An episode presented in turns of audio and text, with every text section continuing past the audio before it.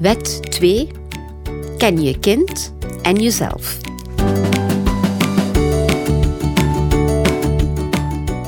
Hallo allemaal, ik ben Lieve Swinne.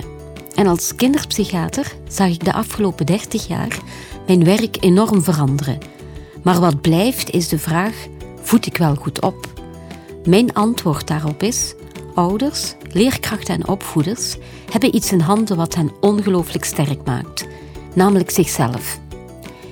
Die eigen mogelijkheden inzetten leidt tot kracht. Bij opvoeden moet je voelen, denken en doen. Aan de hand van zeven wetten, een aantal zekerheden die er ook voor opvoeden bestaan, maak ik dit in mijn boek getiteld Op eigen kracht duidelijk, overzichtelijk en praktisch bruikbaar.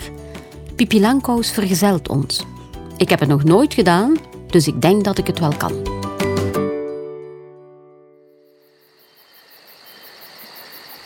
Een bijzonder kind, zei een van de matrozen en hij wreef een traan uit zijn ogen toen Pipi in de verte verdween.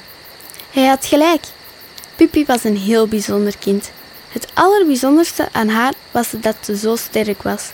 In de hele wereld was er geen politieagent zo sterk als zij. Ze kon een heel paard optillen als ze dat wilde. Haar eigen paard had ze gekocht voor een van haar gouden tientjes, op dezelfde dag dat ze in Villa kwam wonen. Dat paard woonde nu op de veranda, maar als Pipi daar smiddags thee wil drinken, zette ze het paard gewoon in de tuin. Ken je kind en jezelf. Mooier, beter, slimmer.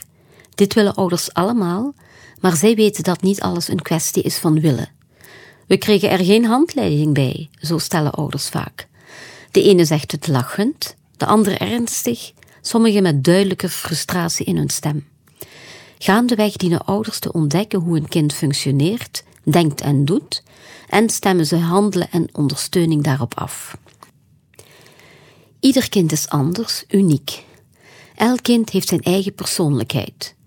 Eigenschappen die de manier waarop hij, zij in verschillende situaties reageert, de manier waarop deze denkt, gemotiveerd raakt, in relatie gaat met de wereld om zich heen, omschrijft.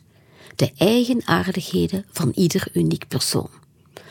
Een voorbeeld daarvan is temperament. Dit kan een gemakkelijk temperament zijn. De modelbaby's, rustige peuters, lievelingen van de juf. Ze doen alles op een rustige manier. Misschien is je kind eerder heftig aanwezig. Zelf en nee zijn lievelingswoorden. Ze brengen leven in de brouwerij. Bij voetbal en in de jeugdbeweging zijn ze zeer welkom. Opvoeden is nog steeds een plezier, maar ook corvée. Weer anderen zijn overgevoelig.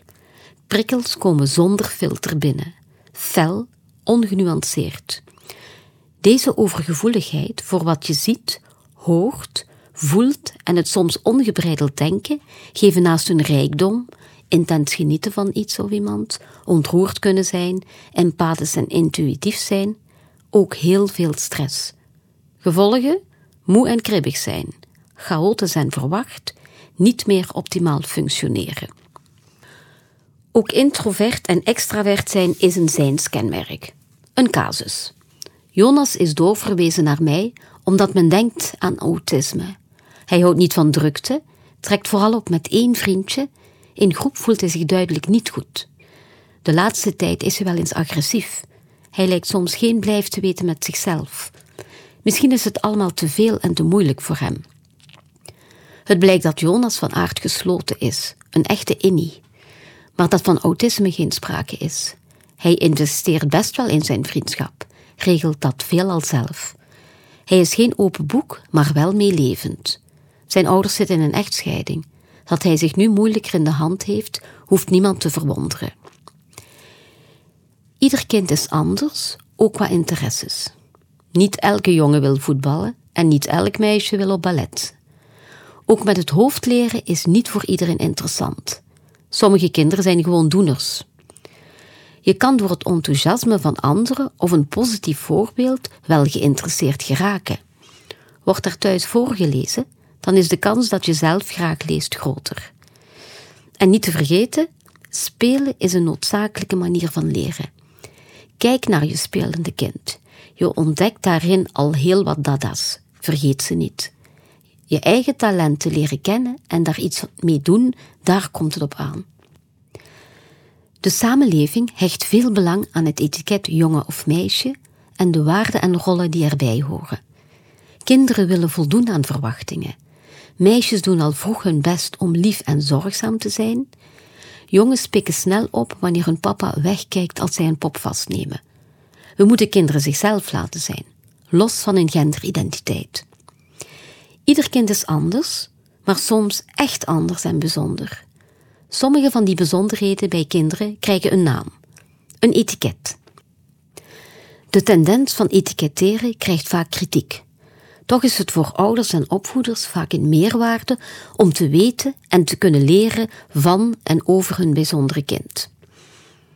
De appel valt niet ver van de boom.